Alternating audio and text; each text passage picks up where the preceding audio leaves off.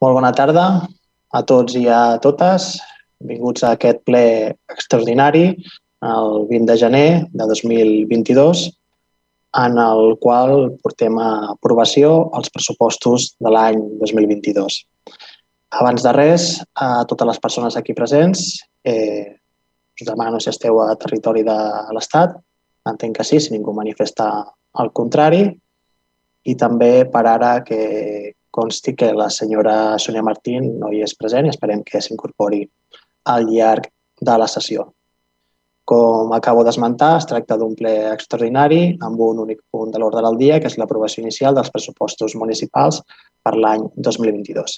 Així doncs, per tal que presenti aquest punt, li cedeixo la paraula a la tinent d'alcalde d'Hisenda, la senyora Pilar Castillejo. Endavant. I moltes gràcies, alcalde, i salutacions a la resta de regidors i als veïns i veïnes que estiguin avui pendents d'aquest ple. Tot i que és un ple extraordinari, és un dels plens més, no? que marquen una mica eh, el, el, la política que hem de seguir aquest any. No? Sabem que els pressupostos són un dels expedients més importants que, que aprovem. És una eina de planificació de gestió de l'acció municipal i, per tant, eh, jo crec que en primer lloc em toca agrair al Departament de, de Serveis Econòmics i més concretament no, tot el personal d'intervenció que hagin fet possible eh, l'aprovació d'aquest pressupost. Ha estat un moment eh, complicats per aquest, per aquest departament, amb jubilacions baixes i sortides precipitades, però bueno, jo crec que ens toca agrair molt la feina del Jordi Miró com a tresorer i de la Maribel Siles que han assumit tirar d'aquest carro endavant, de totes i cada una de les persones del departament i del servei d'intervenció que ens han ajudat a que avui tinguem aquest expedient i també amb el Jordi Fortuny que ens està fent ara d'interventor, doncs agrair a tots vosaltres que avui puguem treure aquest expedient tan important a, a, a aprovació. L'expedient que portem porta d'una banda, el primer que aprovarem seria eh, el pressupost de l'Ajuntament, eh, també en segon lloc, de forma inicial, també en segon lloc l'estat de previsió, la previsió de despeses i ingressos de Genera, l'empresa municipal, també forma part d'aquest expedient, també la plantilla municipal, la relació de llocs de treball i l'organigrama de l'Ajuntament, es porta també a aprovació les bases d'execució d'aquesta corporació per l'any 22 i bueno, quedem també assabentats de l'informe de la intervenció que consta a l'expedient. Um, com que bueno, un, us explicaré una mica el detall, no, no entraré a fons de tot, però sí que us explicaré quatre línies principals no, d'aquest pressupost de l'Ajuntament i de Genera. Um, és un pressupost que representa un creixement important pel que fa l'any anterior, uh, difícil de comparar perquè hi ha canvi de criteris i algunes partides que distorsionen, però si comparem uh, uh, la despesa no financera que jo crec que és la que és interessant pel que fa a la comparativa, pensa que ha crescut un 10% respecte a l'any anterior i que això és molt important si tenim en compte que també no, la despesa pública és un motor de l'activació econòmica eh, del pressupost d'ingressos, eh, jo crec que el més important a destacar és el creixement de, de les previsions del capítol mm, del capítol 4, que són les transferències corrents que rebem com a Ajuntament. Tenim una previsió que s'apropa al 30% del creixement, un creixement molt important i que bueno, no, aquí ja es veu doncs, d'una banda l'esforç que s'ha fet des de, des de tots els serveis d'aquest Ajuntament doncs, per aconseguir ajudes i subvencions, eh, un esforç de preparar projectes sòlids, eh, no? per, per, per, per poder accedir no? a, a aquest finançament hem de presentar projectes creïbles, projectes treballats, projectes um, amb una certa envergadura i llavors n'hem pogut presentar d'aquest tipus i, per tant, requereix d'una gran feinada i, per tant, eh, és un, també d'agrair no? aquest esforç que hem fet per preparar aquests projectes i per buscar aquests recursos. També n'hi ha que ens han vingut donats de l'Estat, un increment d'un 10% de la participació de l'Estat del tribut i de la Generalitat hem trobat increments doncs, per la, les subvencions a la dependència, per l'aportació a les escoles bressol, amb els programes de treball i formació, eh, també del pla educatiu d'entorn. Eh, tenim subvencions noves també de l'Agència Catalana de Residus de, per minimització de la recollida, també per la implantació i també per la deixalleria. Just avui ens donaven la notícia de la concessió de la subvenció de la deixalleria per un import total de 579.000 euros, més de mig milió per un projecte que també ens informaven avui no? que ens estaven demanant el projecte com a model per a noves construccions en altres llocs de deixalleria perquè deien que era un model exportable i, i contenia no, tota les últimes aportacions i novetats que podien en aquest sentit. Um, destaquem també l'aportació la, de la Diputació de Barcelona amb noves línies de subvenció per projectes destinats a l'impuls econòmic, com el programa del treball, talent i tecnologia, programes de projectes d'innovació, impuls també i recolzament a projectes propis com el Ripollet Pedala o el Ripollet Vital, amb aportacions de la Diputació. I també hi ha un projecte específic bastant important de la Diputació que dintre d'aquest marc de concertació de la xarxa de govern local 2020-2023 motivats per la crisi de la Covid, que a cada ajuntament, a cada municipi li correspon una quantitat en funció dels paràmetres que determinen i que Ripollet ens correspon una partida de 389.000 euros, una quantitat també important.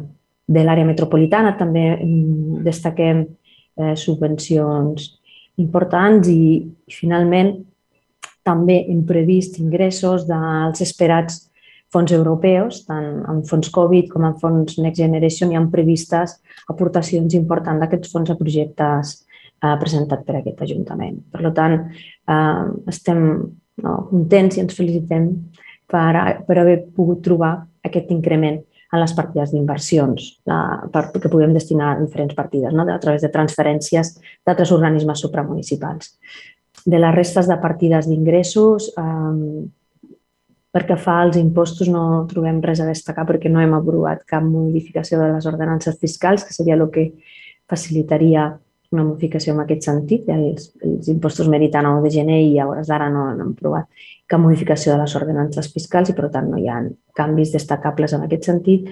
Sí que hem previst, pel que fa a les taxes i els preus públics, i hem començat els treballs i hem previst l'aprovació al llarg d'aquest 22, la creació d'una nova partida per la creació d'una taxa referent al transport d'energia i telecomunicacions. Um, és una taxa que gravaria l'ús del domini públic per part d'empreses que instal·la infraestructures pel transport de subministrament elèctric, del transport del gas, de l'aigua o de telecomunicacions. Eh, veient amb algun municipi que s'ha implementat i fent una aproximació per dimensions del territori i també, que no el tindrem des del primer any, sí que hem previst un ingrés important eh, per, a aquesta, per a aquesta nova taxa. Eh, destacar, perquè crida molt l'atenció, una, una partida del capítol 8 d'actius financers, una partida consignada amb un import de 15 milions d'euros i això distorsiona molt el total del pressupost, però en realitat es tracta d'una partida que la tenim tant als ingressos com a les despeses i que el que eh, es destina és a la constitució d'un dipòsit de custòdia un dipòsit de custòdia que ens permet eh, calcular deixar de pagar entre 30.000 i 35.000 euros anuals, perquè en aquest moment les entitats bancàries cobren a l'Ajuntament pels diners que tenim eh, com a romanent de tresoreria. O sigui, la, la, la consolidació, la creació, la concertació d'aquest dipòsit de custòdia ens permetia un estalvi en funció també doncs, del temps que tinguéssim el, els diners posats, en funció del, de l'import de franquícia i del període de cancel·lació. Jo crec que per la part d'ingressos la part més destacable, com us deia, sobretot l'augment important de les transferències. Pel que fa a la despesa, eh, aquest increment de les aportacions d'altres eh, organismes supramunicipals sí que ens permet eh, tirar endavant algunes línies, però eh, també hem de dir que, que, el, que el sostén econòmic el més important d'aquest Ajuntament no siguin ingressos propis, sinó provenents d'un altre, no? provenents d'altres eh, administracions, això també dona una certa debilitat, perquè sí que tenim ingressos, però no són ingressos consolidables a anys posteriors i, per tant, eh, podem eh, abordar projectes, però continuem tenint aquesta manca d'un finançament pel món local que ens permeti, eh, amb garanties, disposar d'una despesa corrent consolidada i estable.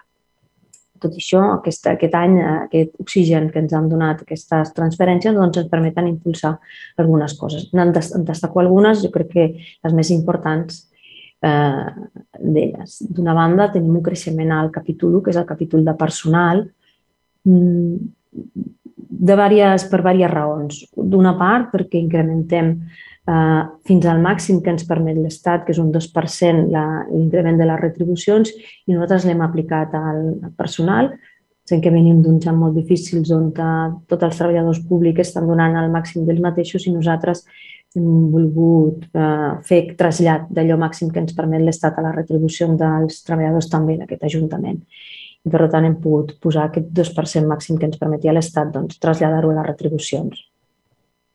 Hi ha un 2,3% també que ve motivat per causes, eh, per raons singulars, que en diem, no? doncs, eh, tant previsions de jubilacions com ampliacions de personal, en alguns casos personal de caràcter temporal per contractar programa o per conveni del pla educatiu d'entorn i també en altres casos per modificacions de plantilla que al llarg d'aquest 21 hem anat treballant, hem aprovant i que ara doncs, queden reflectides en aquest pressupost.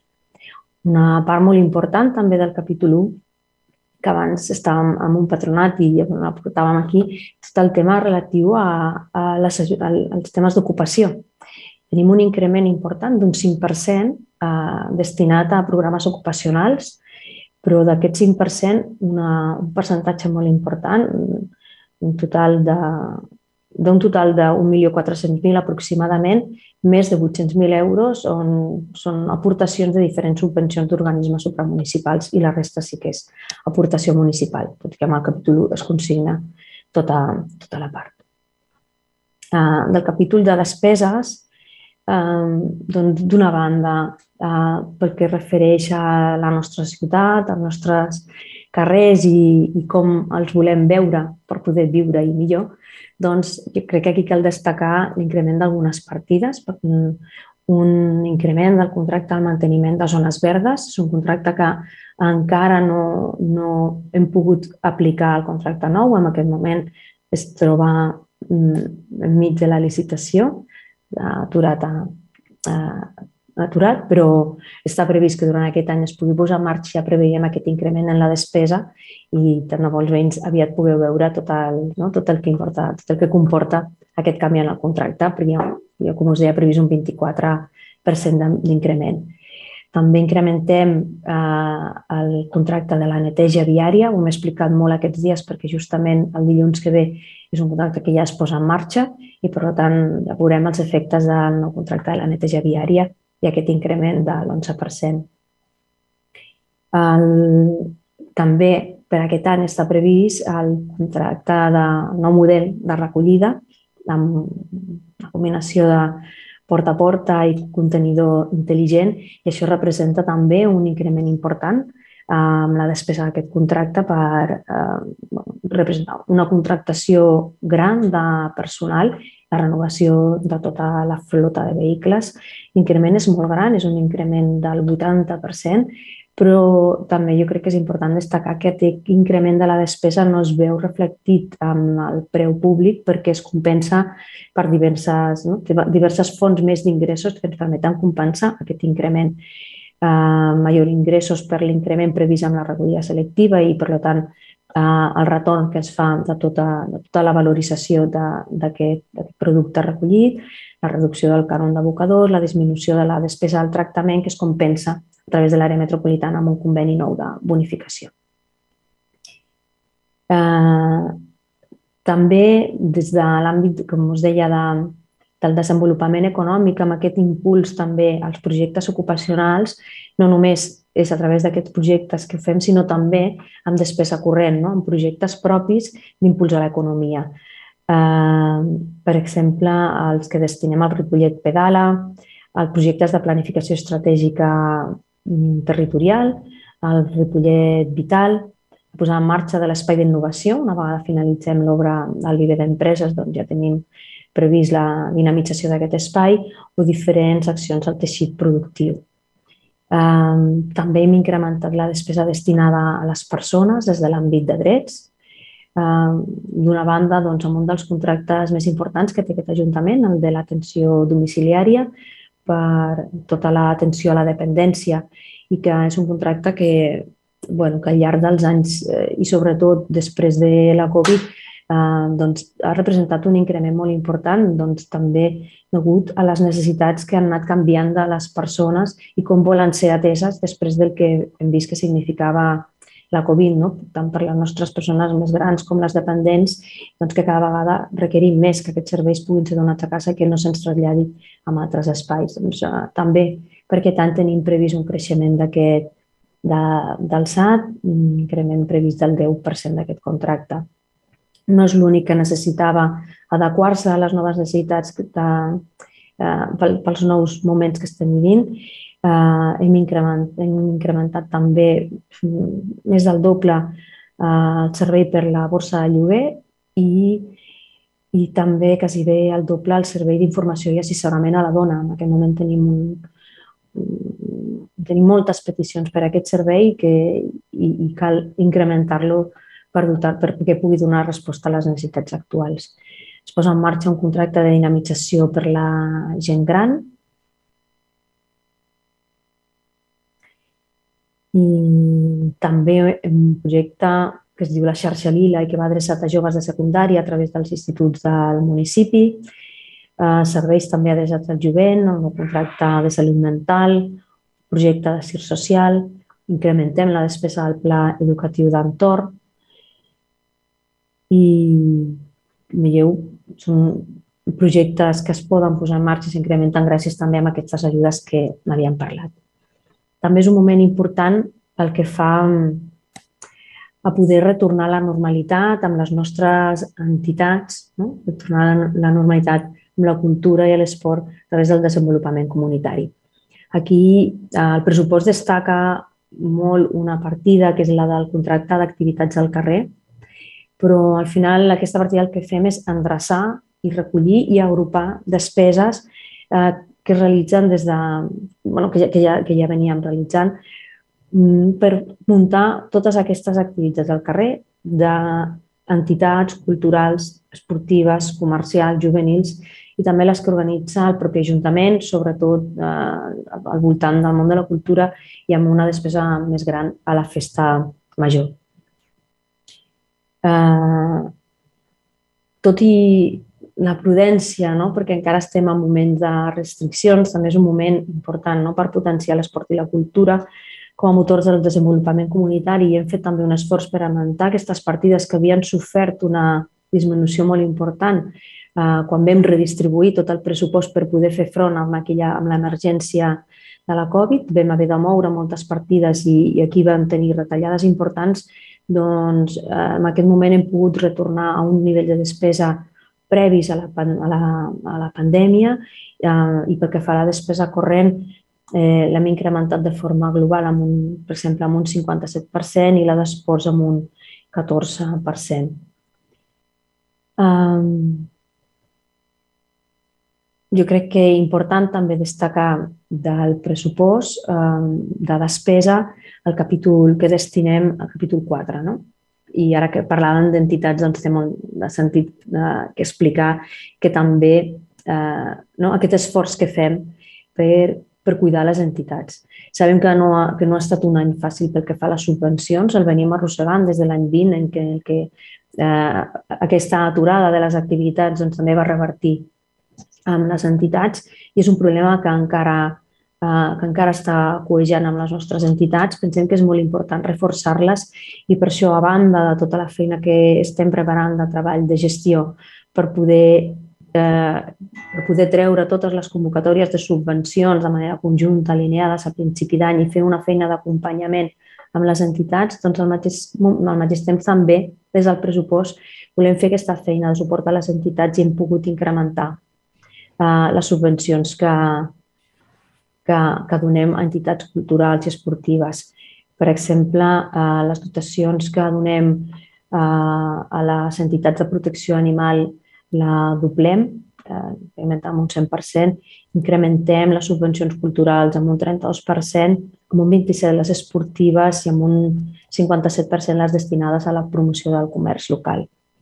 Um, dintre d'aquest capítol, que és el de, de la transferència, no? d'ajuts i subvencions, també hi ha una part que és la que donem també a l'empresa genera, no? La, la part del capítol de transferències són tots els diners que donem a fora de l'Ajuntament, doncs també el que donem a Empresa Genera i jo crec que és important destacar i el pressupost així ho fa veure, no? la consolidació de l'empresa amb, amb, el seu, amb el seu creixement econòmic. Pel, per aquest any 22 preveiem un creixement d'un 60%, d'una banda perquè recollim el que s'ha anat treballant durant aquest 21, eh, des de l'1 d'octubre ja tenim posat en marxa el servei de neteja d'equipaments eh, d'equipaments esportius, de neteja i consergeria, i les previsions per a aquest 2022 doncs, comença menys d'any aquest manteniment de les escoles públiques, que jo crec que serà un, una notícia molt ben rebuda per totes les escoles, ja hem d'explicar, i també hi ha la previsió de tots els serveis d'aparcament, tots els serveis vinculats a l'aparcament, la gestió dels dos pàrquings i la zona de, restri de restricció horària, doncs també passar-los a, a que siguin gestionats per l'empresa municipal. Tindrà finalment la consignació que tenim per l'empresa de gairebé 3 milions d'euros, 2.972.000, com us deia, un creixement del 60%. I per últim, i per no allargar-me més, l'últim capítol del pressupost és el de les inversions. Eh, el pressupost té una partida consignada de 2.735.000 euros per inversions reals. No seran les úniques inversions que veurem a Ripollet aquest 2022. N'hem treballat moltes durant aquest 21 que encara no, no han acabat de veure la llum, com per exemple, no sé, aquests, aquests dies hem començat les obres al poliesportiu, la setmana vinent comencen les obres a l'arxiu municipal i ja també està com molt avançada totes les obres eh, de restauració de la llera del riu, no? de, de recuperació, de recuperació de, de la zona del riu. Eh, moltes que hem treballat durant aquest any veuran la llum, com dèiem, aquest 2022. Les que venen consignades al pressupost eh, són, són unes de molt concretes. Destinem una part a la redacció del projecte executiu de la fase 2 del poliesportiu. Una vegada ja han començat les obres del primer, comencem a preparar la fase 2 i comencem a redactar el projecte executiu. Destinem eh, els diners eh, necessaris per reformar el jutjat de pau a la Casa de la Dona. És un projecte que està a punt de licitació i financem ara amb, amb no, fons propis per poder iniciar ja la licitació i que l'obra comenci tan aviat com sigui possible per poder tenir aquest equipament. I per últim, hi ha una partida important destinada al futur a la futura residència, no? a la plataforma de serveis per la gent gran, la residència i el centre de dia. Hi ha d'una part els 700.000 euros que es dediquen a la redacció del projecte, el projecte executiu, i ja comencem a preveure l'inici de les obres. Eh, són unes obres eh, amb un valor molt elevat, quasi 14 milions d'euros. Aquest pressupost consta la consignació d'un milió 400.000, que és eh, per iniciar eh, per, per poder començar a iniciar-les i estan en principi eh, finançades amb la concertació, a través de la concertació d'un préstec. Eh, una vegada analitzat la capacitat d'endeutament de l'Ajuntament, s'acabarà de decidir eh, quina quantitat exactament és la que es consignarà aquest préstec i quina es finançarà a través del romanent de tresoreria. Eh, amb aquest mateix romanent de tresoreria i una vegada tinguem elaborada la liquidació del 2021, és el moment que acabarem de destinar eh, tot el finançament necessari per totes les restes d'inversions que tenim previstes pel proper any, que no les detallaré perquè bueno, ja, ja, ja arribarà el moment, però sí que tenim inversió tant de millores a la via pública com el projecte de les voreres de la Tiana Pombell que vam aprovar l'últim ple, de renovació de l'enllumenat públic, de millores d'equipaments actuals com les escoles o mercat o per nous equipaments esportius i culturals i també doncs, per començar a treballar amb el contingut del celler, del celler cooperatiu que sabeu que eh, acabem tot just d'adquirir i hem de començar ja a treballar en com el dotem de contingut. Um, bueno, finalment, com us deia, el que presentem crec que és un pressupost eh, amb el que volem impulsar la recuperació de la ciutat després d'aquesta crisi no només sanitària, sinó també econòmica que representa la Covid-19 i ho volem fer des de molts àmbits diferents, centrant els esforços tant en l'economia local com en les persones i la comunitat i al mateix temps intentant invertir en nous i millors equipaments i en una ciutat més neta i millor. Moltes gràcies. Moltes gràcies, senyora Castillejo. Obrim els torns d'intervenció i posicionaments. Senyor Montanui. Uh, gràcies, alcalde. Um, és evident, uh, com molt bé ha dit la, la regidora Pilar Castillejo, que, que el dia d'avui aquest ple és un dels plens, si no el més important de l'any, potser, el, potser el que més eh, després de la presentació que ens ha, que ens ha resumit, molt resumit, la presentació d'aquests pressupostos, eh, que, que d'altra banda, eh, a nivell personal, agraeixo l'oportunitat eh, d'haver pogut treballar amb la justa mesura al contingut d'aquests eh, pressupostos 2022. És evident, és evident de que eh, després d'haver, aquestes setmanes d'haver pogut treballar conjuntament, eh, els considero, els considero eh, un trampolí, el trampolí de recuperació de la ciutat, el trampolí de recuperació de Ripollet. Uh, estic d'acord amb en la lectura transversal que ha fet la, la regidora de que, aquest, uh, de que aquests pressupostos són són uns, uns pressupostos en els quals s'ha focalitzat un gran esforç a nivell econòmic eh, de la ciutat, a nivell, a nivell econòmic local eh, i focalitzat, eh, com no podia ser de cap altra forma, de cap altra manera, amb, amb la comunitat local, amb la ciutadania.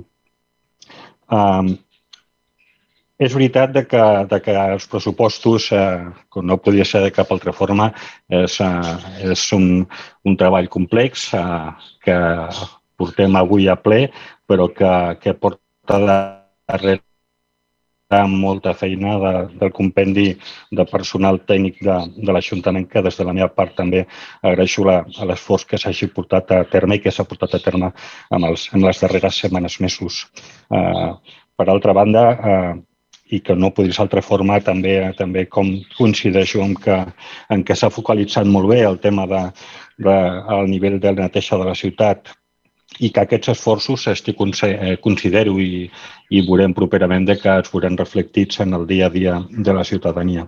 I no vull allargar-me més, alcalde, perquè considero de que amb aquests enraonaments i el treball realitzat en les darreres setmanes, el meu posicionament no podria ser cap altre de que està a favor. Moltes gràcies. Gràcies, Eugeni. Per part de SOM, senyora López. Sí, bona tarda a tothom. Eh, bueno, en aquests pressupostos del 2022 nosaltres votarem en contra. Gràcies. Gràcies, senyora López. Ciutadans? Senyor Barra, endavant. Sí, per part de Ciutadans, eh, dir que aquest pressupost no ens satisfà. És un pressupost que ens portarà a les acaballes de la legislatura i és veritat, com ha dit la regidora Pilar Castillejo, que pren sensibilitat en temes com la protecció animal, cultura, comerç, esports, la borsa lloguer, el servei d'atenció domiciliària i que es fan inversions molt necessàries per Ripollet, com és la reforma poliesportiu o la reforma de l'antic jutjat de Pau, plataforma per la gent gran, fins i tot el projecte de la futura residència. També és veritat que hi ha unes aportacions importants davant de l'Estat, la Generalitat, com la Diputació de Barcelona, però pensem que hem perdut oportunitats. Eh, per què hem perdut oportunitats? Doncs la primera perquè se'ns ha furtat mm, a poder parlar aquest any de les ordenances fiscals. Pensem que és una oportunitat perduda perquè hagués sigut molt bo que haguéssim pogut dir la nostra i sobretot amb, amb l'any que estem vivint poder haver baixat algunes de les taxes eh, o impostos del nostre Ajuntament. I sobretot perquè aquest pressupost és el que donarà llum el porta a porta, el famós servei de recollida d'escombraries de, que Ciutadans hi ha mostrat doncs, reiteradament en contra i que generarà, són conscients, molta problemàtica, tot i que el govern està fent alguns moviments importants perquè és conscient de que hi haurà problemes al carrer. Eh, però d'aquest tema tindrem ocasió de parlar en el ple de la setmana vinent. Eh, una mostra és l'ampliació a les aportacions que es fa a Genera, és un exemple clar, eh, i sobretot marcarà que siguin unes escombraries eh, més cares, la seva recollida, i, en fi, no hi podem estar d'acord. No hem estat capaços de solventar la problemàtica Ocupa Ripollet. Ens hagués agradat ja sé que són temes que no van directament amb el pressupost, però sí que són temes que afecten a la política municipal.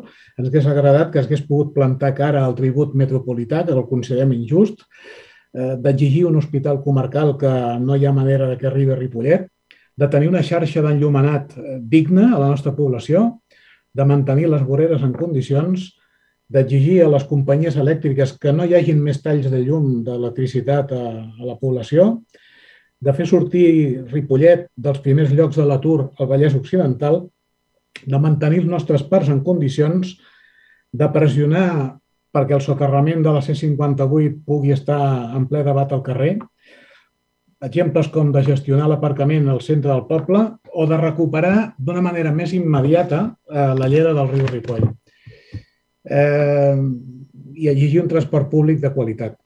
Per contra, sabem que és un any difícil, sabem que la pandèmia ha copsat molt fort l'economia i la població i no hi ha políticament alternativa al pressupost que en planteja avui el govern. Per tant, el nostre vot eh, serà l'extensió. Gràcies. Gràcies, senyor Gavarra. PSC.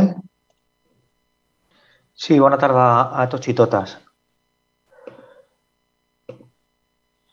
Primer de tot, eh, aquest any sí que li volem agrair a la, a la regidora, a la senyora Castillejos, doncs, que s'hagi reunit amb nosaltres i que a, qüestions que teníem i consultes que teníem, que ens hagi resolt les dubtes que, que tenien sobre el pressupost. Bé, la nostra valoració del pressupost del 2022 és que arriba, bueno, sense haver-se debatut unes noves ordenances, com ja ha dit el portaveu, el senyor Gavarra, per aquest any 2022 i, per tant, amb una part del debat que no s'ha produït aquest any. Novament, eh, no, reune, no, no redueix la tassa de l'IBI i, per tant, els veïns i veïnes tornen a pagar bastant més el seu rebut per la puresa de les cadastrals. Una primera valoració és que aquest any, novament, els pressupostos no són participatius. Sembla ser que es consolida que el govern ja no considera prioritària la participació dels ciutadans en l'elaboració dels pressupostos. Per altra banda, ens agradaria fer ara una valoració per àrees i comentar alguns aspectes destacats que hem vist del pressupost. A l'àmbit de presidència, de veritat, ens ha xocat molt la pujada en comunicacions institucionals del 26,76% i del 400% en subvencions de comunicació en un any preelectoral. No ho veiem normal i ho volem dir públicament. A l'àmbit de desenvolupament econòmic, veiem un altre cop la partida de 125.000 euros per promoció i dinamització del comerç local. Francament, no hem vist aquest any aquesta dinamització per enlloc i suposem que no s'han gastat aquests diners.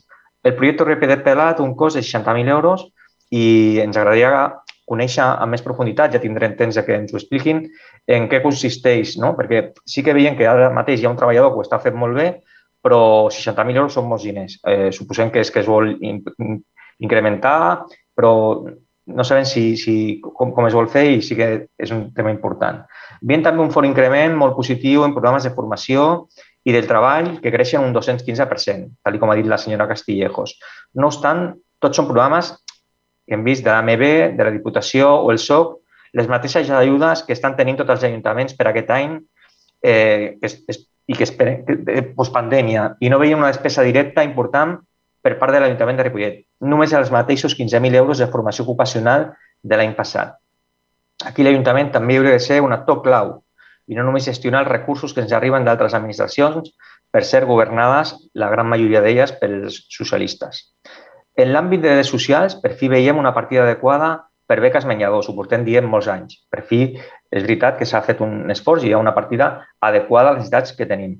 Ajudes que ens arriben del Consell Comarcal i trobem falta més ajudes pels habitatges i per les persones amb emergència social que estan patint, doncs es manté la quantitat del 2021. I també, tal com van comentar al ple passat, no són partidaris de no fer una licitació pública del contracte del SAT i de donar-li a dit al Consorci Sanitari i Social de Catalunya com es vol fer per part del govern de decidir. Pel que fa a la residència, sempre han dit que ens tindran al seu costat. I encara que no ens agrada, perquè no ens agrada que l'Ajuntament de Ribet sigui qui tingui que construir la residència, nosaltres, per responsabilitat institucional, donarem el suport al govern. No obstant, esperem que abans de fer cap despesa almenys s'hagi aconseguit, tal com li, va dir, li vaig dir personalment a la senyora Castillejos, signar el conveni amb la Generalitat de Catalunya per tenir les places concertades.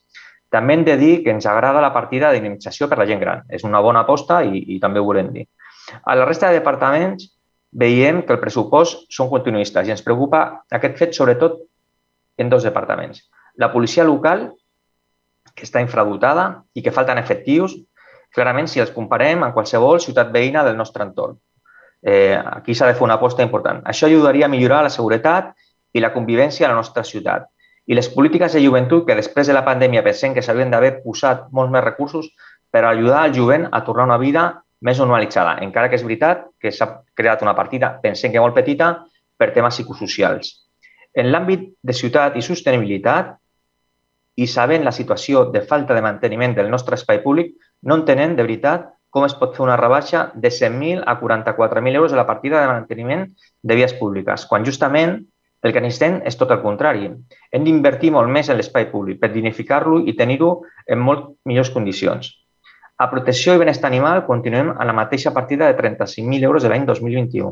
En aquest sentit, pensem que falten idees i que a Ripollet es podrien fer moltes més accions en aquesta àrea del benestar i la protecció animal. En quant a la recollida de residus, el govern ja sap que el grup socialista recolza el porta a porta, però que no ens agrada el model d'implantació a tota la ciutat a la vegada i que no ens agrada ser la prova pilot de l'AMB. No obstant això, esperem i desitgem que la seva implantació aquest any sigui tot un èxit. A l'àmbit de governança, recolzem l'amortització del préstecs que es vol fer. Ho, ho trobem francament interessant. I l'operació d'obrir un dipòsit bancari. Esperem que es faci realitat amb un banc socialment responsable. Vostès sempre havien parlat d'això quan estava en la posició eh, i per la resta de l'àmbit de governança veiem que és molt continuista i no farem cap més valoració. I a l'àmbit de suplement comunitari trobem a faltar les inversions per l'adequació de l'immoble que es va comprar a la carretera de l'estació, i la seva posada en funcionament. Ja, porta, ja portem temps que, que, que tenim el pla d'usos i no sabem per què encara no es posa en marxa eh, les inversions per poder-ho adequar i perquè la gent el pugui gaudir, no? que al final és el que es tracta, el comprem perquè la gent el pugui gaudir. I estem trigant massa, anem massa lents. A l'apartat de subvencions culturals no veiem la festivitat de les catifes. Hi ha d'anar, segons creiem, haurien d'anar a la concurrència de subvencions. Quan és una festa que aquest ple va declarar festa d'interès local. I també veiem una cosa que ens preocupa, una quantitat de subvenció per la festivitat de Sant Antoni Abat i veiem el que està passant. Aquest any pensem que l'Ajuntament, d'alguna manera, ha de liderar i ha de fer de mentora de l'entitat per no perdre una festivitat centenària a la nostra ciutat. Això no ho podem perdre i és l'Ajuntament qui hauria de, de, de tirar endavant i ajudar l'entitat, a noves persones, Eh, a no perdre aquesta, aquesta festa històrica, que és un patrimoni també de la nostra ciutat. Després d'aquest breu repàs del pressupost que ens presenta el govern, que acabem de fer, i respectant les seves decisions i prioritats, veiem que per nosaltres tenim d'altres, no? Que no s'han recollit en aquest pressupost com podrien ser, per exemple, i dic, cito molt, molt poquetes, em podria dir moltes més. Per exemple, la compra de la fàbrica per fer la compra de la fàbrica d'arts, que està liderant l'entitat Trasa. No ho veiem al pressupost i pensem que és algo interessant i que s'hauria d'haver almenys previst la partida per començar a treballar aquest tema ja aquest any. La construcció de la Ronda Nord de Ripollet, que està al pla de mobilitat i que portem anys i anys reclamant-la i que no, no es vol fer. Per exemple, una reforma integral al carrer Balmes i una aposta clara i decidida per la nostra policia local. Una aposta clara i decidida, que ens fa falta. I molts més temes que farien millorar notablement la vida dels nostres béns i béns per part per tant, el nostre vot en aquest cas serà... M'agradaria acabar, per finalitzar, amb una última reflexió. El pressupost s'ha d'executar. Portem anys amb superàvits importants per la falta d'execució del pressupost. Les inversions es van allargant amb els anys, inversions que es van preveure en anys anteriors les tornem a tenir aquest any. De veritat, desitgem que aquest any el pressupost es pugui executar en la seva totalitat perquè fa molta falta amb l'any de postpandèmia. O sigui, de veritat, eh, si donen al seu costat, Eh, per poder executar, de fet, el sistema aprovant pràcticament la totalitat de les modificacions de crèdit que presenten perquè volem que es, que es pugui executar el pressupost, perquè és necessari per la ciutat i és el seu pressupost i són les seves polítiques. I nosaltres, per responsabilitat institucional, les respectem. No estem d'acord, però les respectem. I, per tant, en aquest sentit, eh, volem que el municipi avanci i, i, i, i ens tindran al seu costat per tirar-ho endavant. Però el que volem és que l'executin, que no, que no s'allargui, que les coses no passin com al parc de, de la plaça del Molí, que, que aquesta és la gestió que no volem. Nosaltres el que volem és que si es fa un parc es comenci i s'acabi i que no el tinguem empantanat allà un any, que és el que passarà ara per el que hem llegit avui a la, a la premsa. Aquesta és la nostra posició. Moltes gràcies.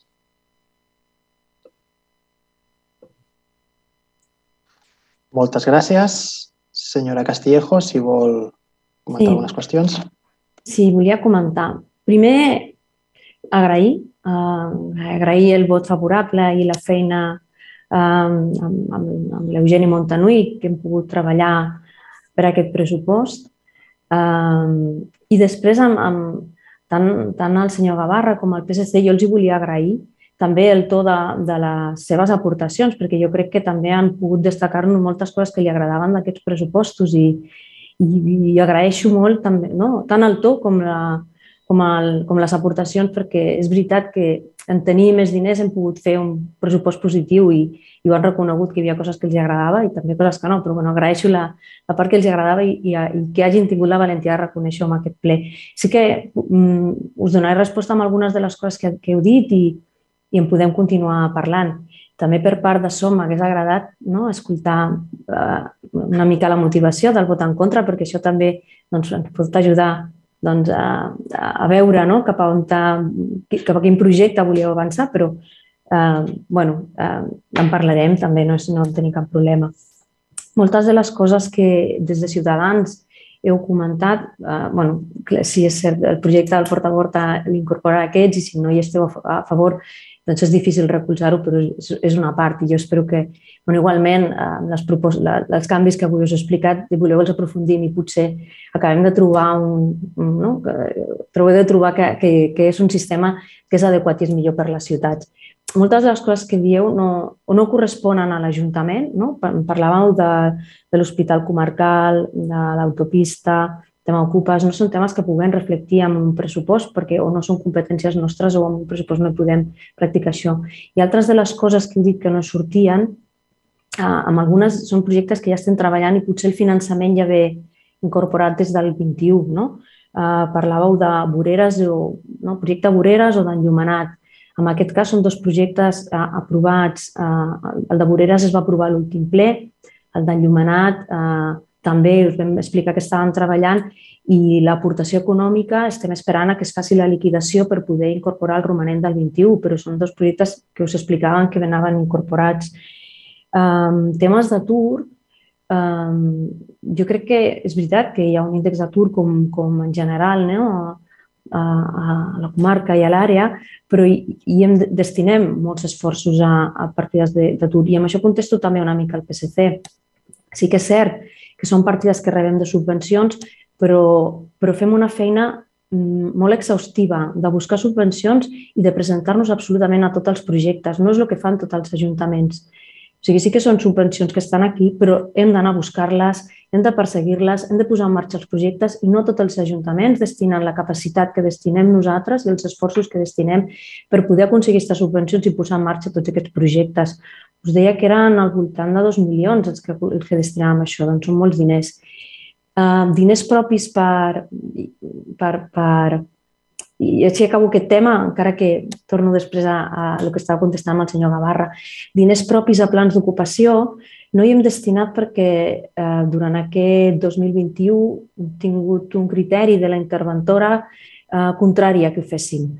Eh, com que al final pensem que és una interpretació eh, una interpretació, doncs esperem també si és diferent aquesta interpretació amb, amb el futur interventor i en aquest cas doncs, sí que podríem destinar més diners. Eh, en aquest cas, com que teníem aquesta eh, directrius de no poder destinar diners propis a plans propis d'ocupació, el que hem fet ha estat buscar-ne molts més altres i per això han incrementat la despesa, buscar molts més plans eh, a través de les subvencions. I eh, bueno, només que eh, també el senyor Gavarra parlava de, mm, de l'estat dels nostres parcs. Ja he explicat que hem incrementat també la partida destinada al manteniment de parcs amb un 24%, crec recordar, i que és un contracte que s'ha de posar en marxa durant aquest 22 i, per tant, també queda reflectit amb aquest pressupost. Els treballs de la llera del riu es van aprovar durant el 21 i s'executaran a l'agost d'aquest any. Ara mateix estem en parada biològica, no es poden fer obres al riu perquè eh, pel tema del, de del niuament de les aus i doncs no, no es poden fer les obres. Estem en parada biològica i a principis d'agost ja estaran adjudicades i començarem les obres de recuperació de la llera, retirada de canya, eliminació de totes les obres i la, la naturalització de la llera del riu. Però no, com us deia, jo també agraeixo la part positiva que heu vist amb aquest pressupost i que heu expressat.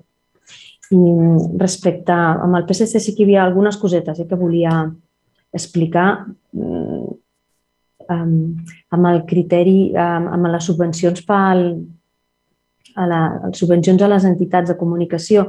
També es tracta d'un canvi de criteri um, per part d'intervenció. Um, de, de com es donaven les, les subvencions fins ara o de quins anuncis es, es, es, es, es dotaven. Llavors, no es destinen més diners, sinó que es reorganitza la manera en la que es donen per, per criteris de, de com s'havia de destinar aquesta despesa. Um, vale. Uh, només amb el tema del, del SAT que deia que, que no estaven d'acord en que ho donéssim a dit, és una manera una mica d'explicar-ho, no? una mica tendenciosa. No, no donaríem res a dit. O sigui, el que nosaltres hem proposat és poder fer una gestió pública eh, de manera que eh, formant part de, del Consorci de Salut i Sanitat i ser un, un ens propi, doncs es pogués donar a fer una encomana directa. Però també hem dit que eh, això es farà després d'un de, de debat on eh, arribem a, a la conclusió de que aquesta és la, és la millor gestió possible per a aquest Ajuntament. Nosaltres estem treballant amb aquesta línia, però ni otorgarem res a dit ni és una decisió que en aquest moment estigui presa, sinó que estem treballant per anar cap aquí després d'un debat amb totes les forces i tots els grups municipals. Um, per joventut jo crec que eh, hi ha, hi ha molts projectes petits repartits al llarg del pressupost que fan que sí que incrementi la despesa. Com dèiem, aquell projecte de salut mental, el projecte de la xarxa Lila, els projectes del CIR social. Sigui, sí que anem incrementant la despesa en projectes concrets destinats a, a la joventut del municipi. Eh, pel que fa al manteniment de les vies públiques hem separat la despesa perquè d'aquesta partida fèiem també la despesa de, dels equipaments municipals, de manteniment d'equipaments i edificis i estaven amb la mateixa partida de vies públiques i generava confusions. Llavors el que s'ha fet és separar en partides diferents el que es destinava a una cosa i a una altra. De totes maneres, la, la major part de la despesa que es fa en via pública són inversions i, per tant, també és una partida de, de capítol 6 pendent de la incorporació de romanent una vegada tinguem la liquidació. I pel que feia als animals, eh, sí que no hem incrementat la partida de benestar perquè pensàvem que eh, cada vegada són menys els diners que destinem a, a, a portar animals a, a la protectora. El sistema amb el que estem treballant, juntament amb les entitats animalistes, que el que fan és que quan trobem un animal el cuiden, li busquen una llar que li faci acolliment, eh, fins que li trobem una llar que, els, que se'ls quedi, és, eh, aquest és realment el benestar animal, perquè el tenim en llars, en treball voluntari, eh, amb els animals molt més cuidats, però tant no ens cal incrementar la partida destinada a les a les protectores d'animals i el que hem fet és doblar la destinada a, amb aquestes entitats que treballen per la cura a través del voluntariat, no? que treballen per la cura de, dels animals. Um, bueno, eren petites puntualitzacions de coses que heu anat dient, però uh, com us deia, en principi estic contenta del projecte de pressupostos que ha presentat aquest govern. Crec que les intervencions que heu fet es veu um, en general doncs, que hi ha coses que, són positives per la ciutat. Jo crec que és el que ens hem de quedar. Agrair que puguem aprovar aquest, aquest pressupost amb el vot favorable de l'Eugeni i amb l'extensió de Ciutadans i bueno, espero que ens anem trobant amb aquells punts que encara no, no estem del tot d'acord, doncs els puguem treballar conjuntament i trobar els punts eh, en contra. Per part meva, alcalde, és, és tot. Jo, si em permeten els portaveus, per si algú vol intervenir i fer alguna puntualització més, jo eh, sí que també voldria contestar o fer esment algunes de les qüestions que també han, sur han sortit, tot agraint també a l'inici, com ha comentat la regidora Pilar Castillejo, eh, el to de les, de les intervencions, principalment el favorable del regidor Eugeni Montanui, l'abstenció de, de Ciutadans, però fins i tot el, el vot contrari del, del PSC doncs, també vull eh, agrair uh, aquest, aquest to uh, en el qual ha pogut manifestar el PSC també els pros i contres que ha vist d'aquest pressupost i també a, per part de la senyora Melody López de SOM doncs també ens agradaria això, reiterar que ens agradaria haver sentit una mica més de les explicacions, les argumentacions de què han portat aquest vot eh, desfavorable, però en tot cas, si no és ara, jo crec que tindrem ocasió properament per parlar-ne. Estem a la vostra disposició, com sempre heu estat aquests anys, eh, sense problemes. Per tant, agraïm tot això d'inici, sí que algun dels temes que, que no ha acabat d'aclarir la regidora Castillejo, jo sí que voldria esmentar alguna cosa més. Pel que fa a Ciutadans, els esments que ha fet el Triu Metropolità, bé, jo crec que ell també coneix molt bé totes les accions que des de, de Sant Ripollet hem fet en el si del Consell Metropolità tant en el si del Consell Metropolità com després en diverses reunions que s'han tingut amb el govern de l'MB al respecte, amb un to contundent de crítica i denúncia de com està aquest triu metropolità, metropolità però també amb una voluntat eh, constructiva de dins d'allò possible doncs, eh, buscar canvis i buscar millores i algunes d'aquestes qüestions eh, estan arribant. I això també es materialitza en que aquest any també tindrem ja les tarificacions socials en el transport públic i que també molt aviat eh, esperem que es posin en marxa les millores de transport llargament esperades i que recentment també la, la Generalitat, amb l'aprovació dels pressupostos de la Generalitat per aquest 2002, 2022, ens ha confirmat i estem a l'espera de que eh, pugui assegurar quina és la data d'inici d'aquestes millores i, per tant, les anunciarem. També eh, esperem que ben aviat. Pel que fa a l'hospital, evidentment, ja s'ha comentat, és una qüestió supramunicipal, però que estem treballant colze a colze a l'Ajuntament de Ripollet, amb els ajuntaments, amb els governs de Cerdanyola del Vallès i de Montcada i Reixac, també amb governs municipals de colors diferents d'aquest eh, govern de, de Ripollet i estem avançant amb la Generalitat, primer les qüestions urbanístiques, aviat tindrem una reunió amb el conseller eh, Argimon i esperem també donar notícies al respecte. Pel que fa a l'esment als pressupostos participatius, una mica també ho vam comentar a la roda de premsa dilluns, els pressupostos participatius els volem recuperar després d'aquesta de, aturada una mica que ha vingut forçada per la situació de la Covid i a, a meitat d'aquest any es reprendran aquests projectes de, aquesta, sí, aquests projectes de pressupostos participatius segurament renovats al respecte. Això no obsta també perquè de cara a les properes ocasions, evidentment, també és el nostre compromís i també el reglament de participació hi apareix que en les properes eh, expedients d'ordenances fiscals o pressupost també es puguin fer les audiències públiques prèvies que siguin pertinents i necessàries. Pel que fa a la policia local, segurament ens agradaria tenir més efectius, no només a la policia local, sinó en tot el conjunt de, de l'Ajuntament, però també és cert que s'ha de reconèixer i així també la plantilla policia local entenc que reconeix els esforços que durant els últims anys s'ha fet per reforçar aquesta plantilla, per donar-li una bona una millor estructura, una millor organització. Així estem avançant i així també se segueixen fent convocatòries de, de, nous, de nous agents. Properament també es faran convocatòries pel que fa als altres comandaments de la policia local per deixar una policia local eh, professionalitzada i el servei de, de la nostra gent. I això també, eh, en paral·lel a les actuacions que, que s'han fet, de reconeixement públic eh, a la policia local, com és aquell acte que vam fer del dia de la policia local de la, de la nostra ciutat. Un esment concret també, quan s'ha parlat dels eh, plans d'ocupació, els plans d'ocupació locals propis no, no hi apareixen per aquesta raó que ha esmentat la senyora Castillejo, però més enllà de que els que hi apareguin siguin, és cert, tots de caire supramunicipal, que venen finançats o cofinançats per administracions supramunicipals, aquí no s'ha de menysprear tampoc ni hem de treure importància a la bona feina que s'ha fet des de l'àmbit, que s'ha fet des del departament corresponent al, al respecte treballant, perquè per poder-se presentar, per poder tenir eh, aquest, perquè s'aprecin aquestes candidatures, s'acceptin les sol·licituds que es fa des de l'Ajuntament, han de ser projectes ben treballats.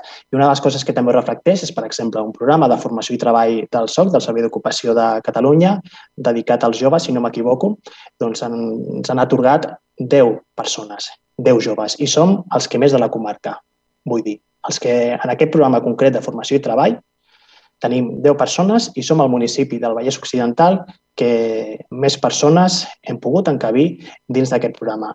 Per tant, aquí també és una, és una forma de veure la bona feina que es fa i que es pot seguir fent des d'aquest àmbit de desenvolupament econòmic. Pel que fa a la plataforma serveis per a la gent gran, la residència, evidentment, nosaltres seguim treballant amb el departament al respecte per a tal d'assolir aquesta concertació de places i jo crec que aquí també ens hem d'animar, ens hem de conjurar també perquè això també respecte, eh, amb els nostres, vostres respectius grups polítics també en el Parlament de Catalunya, això també es pugui eh, tractar, es pugui parlar també per ajudar que això sigui possible també el, el més aviat. Eh, pel que fa a la qüestió del manteniment de vies públiques, aquesta minorament, aquesta rebaixa que hi ha hagut en aquesta partida concreta és més aviat per una qüestió financera. Això no vol dir que es deixi de fer actuacions aquí, eh, sinó que les actuacions que s'anaven fent de via pública s'anaven agafant d'altres partides i aquí una mica el que es regularitza és amb el, la despesa efectiva que aquesta partida tenia eh, res, eh, comparativament amb els eh, darrers anys. Aquí també la importància és de que Brigades pugui eh, dedicar encara més amb totes les feines del dia a dia que cal fer a la nostra via pública. I és per això també que actuacions que es fan des de l'Ajuntament darrerament, com l'encomana genera del manteniment de les escoles o com el nou contracte d'activitats al carrer, doncs persegueix també alliberar una mica d'aquestes feines a brigada perquè es pugui dedicar de forma quotidiana a aquesta eh, via pública. Uh, S'ha comentat també la inversió de la carretera, de la casa de carreteres de l'estació a la casa del, del Pont Vell. En aquest sentit, també, com he explicat en alguna altra ocasió, aquest és un projecte que també s'està encarregant a l'àrea metropolitana de Barcelona. A nosaltres també ens hauria agradat, evidentment, anar molt més ràpid en aquest projecte, però també hem de ser conscients que en aquest mandat eh, a banda de l'impacte de la Covid, que això ens ha impactat a la nostra institució i a tota eh, la resta, pel que fa concretament a nivell de Ripollet, estem eh, posant en marxa moltíssims equipaments moltíssims equipaments i no precisament d'una magnitud eh, petita. Aquesta setmana comencen les obres del poliesportiu, la setmana que ve comencen les de l'arxiu i tot això també requeria una feina prèvia. Amb la qual cosa, i en aquest cas concret, aquesta és una feina de redacció projecte executiu que es va encarregar a l'àrea metropolitana i l'àrea metropolitana eh, el que ens ha comentat és que serà, al llarg, eh, serà cap a l'últim trimestre d'aquest any 2022 en el qual ens podrà lliurar el projecte executiu de les obres que s'hi han de fer, perquè un cop tens el pla d'usos, aquest pla d'usos s'ha de transformar en un projecte executiu d'obres, que és el que després s'ha de licitar. Pel que fa a la, la festivitat de les catifes, si no m'equivoco, també el finançament o el suport a aquesta aquesta activitat, aquesta festivitat, està incorporat dins de la partida de, de festes populars, espero no, no equivocar-me, però vaja, el suport a aquesta festivitat hi és, seguint amb aquella moció, s'ha treballat amb, amb, amb l'entitat i eh, els diners hi són dins d'aquesta partida de, de festes populars. Pel que fa també la festivitat dels Tres Toms i de Sant Antoni Abat, que segurament, si no m'equivoco, s'hauria d'haver celebrat el proper eh, diumenge. També en la línia que, que es comentava, doncs, també estem eh, mirant propostes al respecte per no perdre eh, aquesta activitat, almenys en la mesura que estigui a les nostres mans i també s'està parlant amb, amb l'entitat, amb persones que puguin estar interessades eh, en mantenir aquesta festa, que eren les festes més importants de l'any a Ripollet i principalment d'aquests inicis eh, d'any. Pel que fa a la fàbrica d'arts, ara també el que encarem és tot allò relatiu als, als estudis, al, al respecte, elaborar quins són els usos, com volem que sigui, perquè abans de comprar cap immoble, que de fet també recordo que els esforços que durant les últimes setmanes ha fet l'Ajuntament la, per adquirir nou patrimoni també han estat eh, importants. Doncs, abans d'optar per un immoble concret, eh, i que en tot cas després d'això, amb una modificació que és d'incorporacions permanents en el moment adequat es podria fer front, el que és important és veure quin és eh, l'ús que, que es vol fer i tot això són estudis que s'ha fet i que l'entitat també em consta, l'entitat que està impulsant aquesta fàbrica de, de les arts, eh, doncs també i ho està treballant. I comentava eh, l'execució del pressupost. Eh, efectivament, jo tampoc vull deixar de, de dir-ho, també ho vaig comentar amb la roda de premsa, són les coses que també més ens preocupa i que moltes vegades ens trobem amb, amb dificultats d'executar tot allò que hi ha previst al pressupost. No?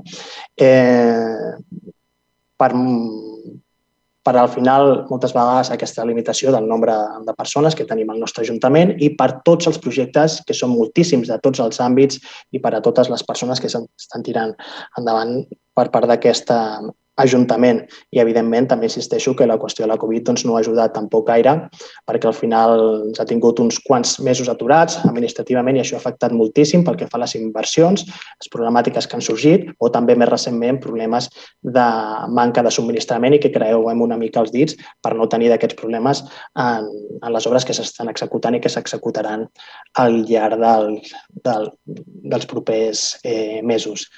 I també eh, amb l'esment que es feia també del, de la situació del Parc del Molí, evidentment, tampoc és una qüestió que a nosaltres ens agradi gens, que també des de fa moltes setmanes eh, estem a, a sobre al respecte.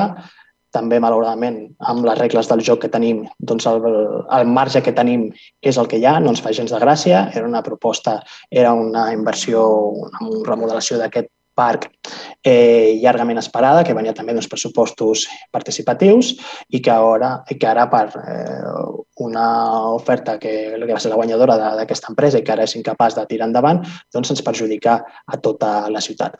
Estem mirant diverses vies i, i, i estem pensant en algunes propostes que esperem puguin fer més àgil la, la finalització de, d'aquestes obres, però evidentment ens preocupa moltíssim i no ens agrada que des de fa ja uns quants mesos això estigui així. Hi ha alguna qüestió que vull comentar alguns dels portaveus? No? Sí, senyor Tirado?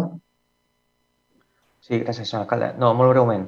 No, agrair-li el to de la seva intervenció, a la senyora Castillejos també, i agrair-li que, que hagi admès doncs, pràcticament la totalitat de les coses que he comentat, de, del retras amb, amb l'execució, de la baixa execució del pressupost, que és veritat que probablement sigui vinculada a la situació de pandèmia, eh, però això al final va retrasant tots els projectes, com molt bé ha dit amb el Parc del Molí, que era un projecte, crec recordar, si no m'equivoco, dels projectes participatius, el pressupost participatiu del 2018, o sigui, de fa ja tres anys i trigarem quatre anys en tenir-ho quan era algú del 2018. No? Al final, eh, agrair el to, eh, hem, hem volgut fer un vot negatiu però, però, però a la vegada constructiu, o sigui, d'intentar treballar plegats perquè veiem que Ripollet ho necessita. O sigui, al final eh, tots volem que, que les coses funcionin bé, que volem que Ripollet millori eh, i, i s'han de fer moltes inversions. Òbviament, tenim criteris diferents, eh, prioritats diferents, com ja, com ja he definit, només he definit tres o quatre, hi ha prioritats diferents de ciutat, però hi ha projectes que podem compartir perfectament. O sigui que gràcies pel to i, i fins aquí. Gràcies. Sí, el tema aquest també és, no sense allargar-me, però el Parc del Molí també, de fet, ja és que això s'ha allargat perquè es va fer també una primera eh, licitació, que en aquella ocasió va quedar deserta, es va fer una segona, que és la que també la que estem ara i en aquesta execució és on tenim també les problemàtiques.